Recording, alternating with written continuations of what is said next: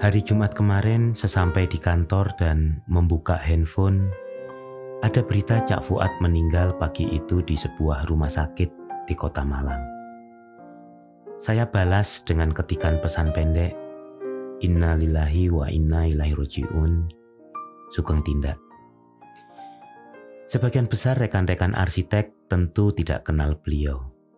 Beliau bukan arsitek, bukan tokoh politik, selebriti, atau selegram. Beliau adalah guru, panutan anak-anak muda Ma'iyah, dosen, pakar bahasa Arab, dan kakak kandung Cak Nun, MH Ainun Najib. Cak Fuad, demikian beliau biasa dipanggil, juga tentu saja tidak kenal saya. Saya juga sekedar ngaku-ngaku saja sebagai murid karena banyak berguru pada petuah-petuah beliau. Kita di Jakarta memiliki forum yang disebut Kenduri Cinta di tim Taman Ismail Marjuki. Saya sudah sejak 10 tahun yang lalu banyak begadang dan belajar di forum ini. Hari Jumat, minggu kedua setiap bulannya, anak-anak muda berdialog mulai Ba'da Isa sampai dengan menjelang subuh. Cak Nun, adik Cak Fuad hampir rutin hadir, sedangkan Cak Fuad sekali dua datang. Beliau lebih sering hadir di forum yang sama bertajuk Padang Bulan di Jombang yang juga diselenggarakan setiap bulan sejak 30 tahun yang lalu. Bila rekan-rekan arsitek bersua dengan rekaman Cak Fuad di YouTube atau saluran lain, rekan-rekan yang tidak biasa tentu akan segera bosan karena gaya bicara beliau datar, tenang, bahkan cenderung tanpa ekspresi. Sangat berbeda dengan adiknya, Cak Nun. Tapi bila rekan-rekan sabar sedikit saja, mencoba menyimak dengan sungguh-sungguh, percayalah rekan-rekan tidak akan rugi.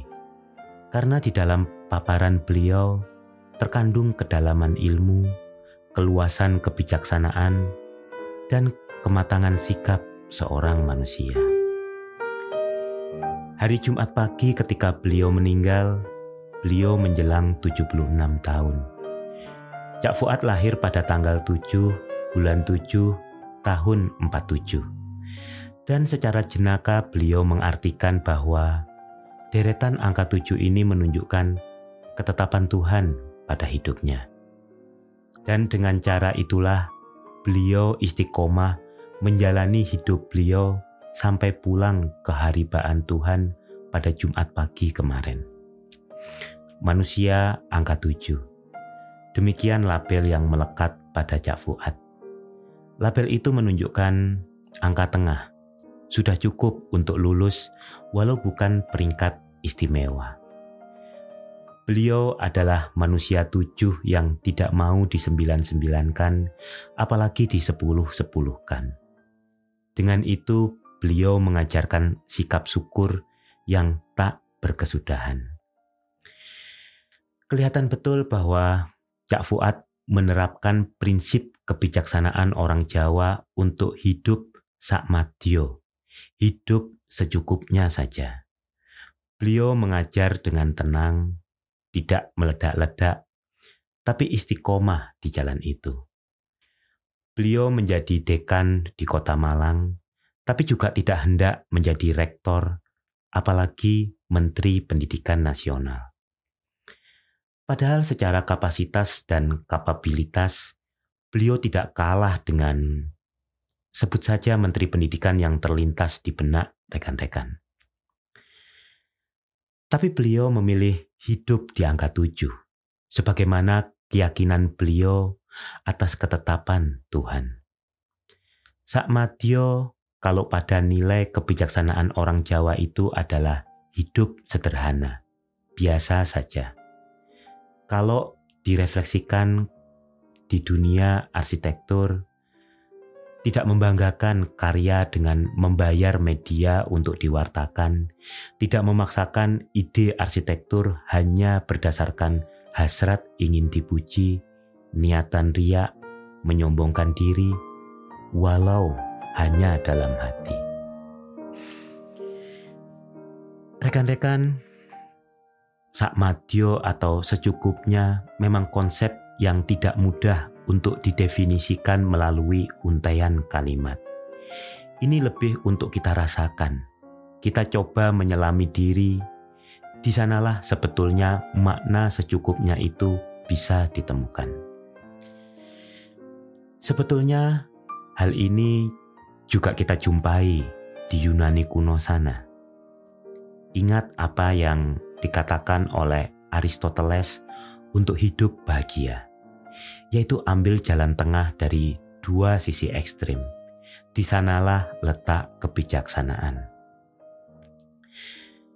Rekan-rekan, saya yang mengaku-aku muridnya yang kebetulan berprofesi sebagai arsitek atau pekerja arsitektur hanya bisa membuat refleksi ini sebagai bentuk penghormatan mengiringi Cak Fuad menghadap Tuhan.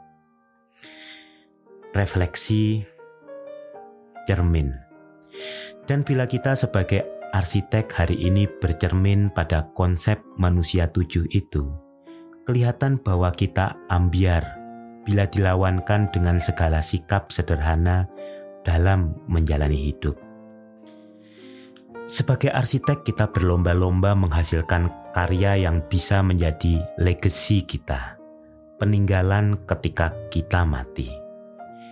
Kita merasa itu gagah, bernilai, dan membanggakan.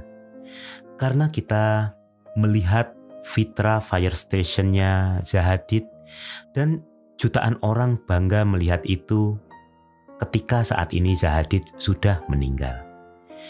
Kita melihat falling waternya Frank Lloyd Wright dan kagum. Dan kita saksikan dunia juga mengaguminya ketika Frank sudah meninggal. Hal yang barangkali lepas dari sudut pandang kita adalah bahwa yang kagum dan bangga itu adalah kita, orang yang masih hidup. Kitalah yang menilai bahwa karya itu berguna bagi kebudayaan dan barangkali juga bagi dunia. Tapi apakah Hadid, Corbusier, Kenzo Tange, Arata Isosaki yang saat ini sudah meninggal juga merasakan kebanggaan itu saat ini? Apakah mereka saat ini mensyukuri telah merancang Roncam, Hiroshima Peace Memorial Park, Falling Water, dan Domus Museum.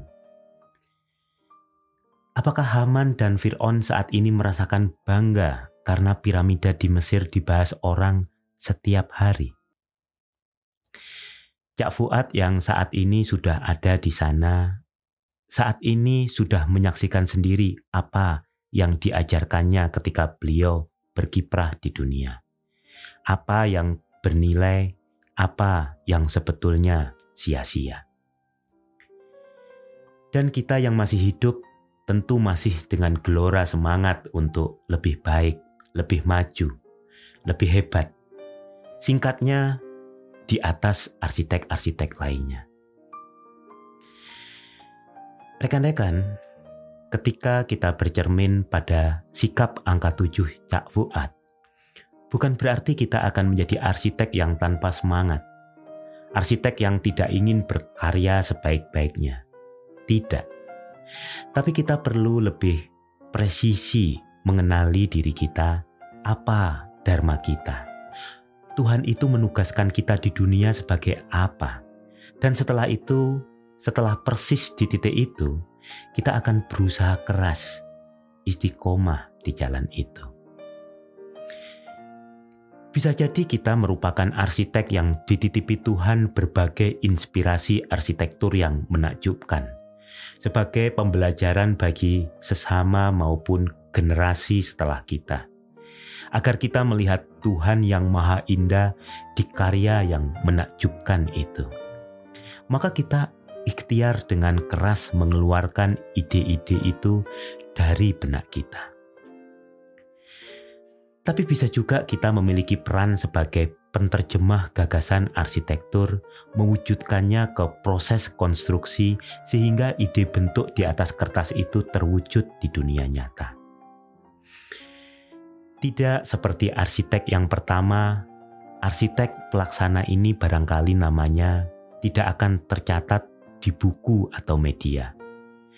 Tapi itu suatu peran juga. Dan kita akan menjalankannya sebaik-baiknya.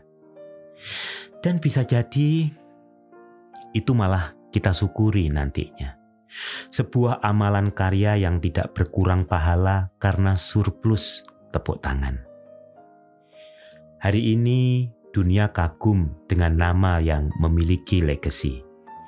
Hari nanti bisa jadi Anda yang tidak dikenal itu akan lebih menikmati. Sebaliknya, kita yang masih tertinggal juga perlu bijak untuk tidak terlalu mengemaskan perak, tidak memperakkan besi, dan tidak membesikan loyang. Memuji berlebihan peninggalan arsitektur seorang arsitek yang sebetulnya biasa saja, jangan-jangan malah memperberat jalan rekan arsitek itu di kehidupan sana. Di dunia seni kita mengenal istilah menggoreng, pencitraan, untuk mengangkat nilai jual objek seni, bukan untuk menghormati yang meninggal pertama-tama, tetapi untuk kepentingan material kita yang masih hidup dengan penuh nafsu dan hasrat. Tidak perlu mensepuluhkan angka sembilan, tidak perlu memuji yang berlebihan. Rekan-rekan, itulah makna manusia tujuh yang tidak ingin didelapan-delapankan. Sehingga kita tidak menggunakan segala cara bahkan yang tercela untuk bisa berkarya menghasilkan legacy, peninggalan untuk anak cucu yang bisa saja terwujud dan anak cucu Anda bangga, bisa jadi mengaguminya, bangga akan karya Anda dibahas di berbagai buku dan media. Tapi sementara Anda sendiri yang tertatih-tatih di hadapan Tuhan menyesal, ternyata karya itu tidak ada artinya di momen itu. Selamat jalan Cak Fuad, manusia angka tujuh yang semoga di mata Tuhan angka sepuluh. Sugeng tindak.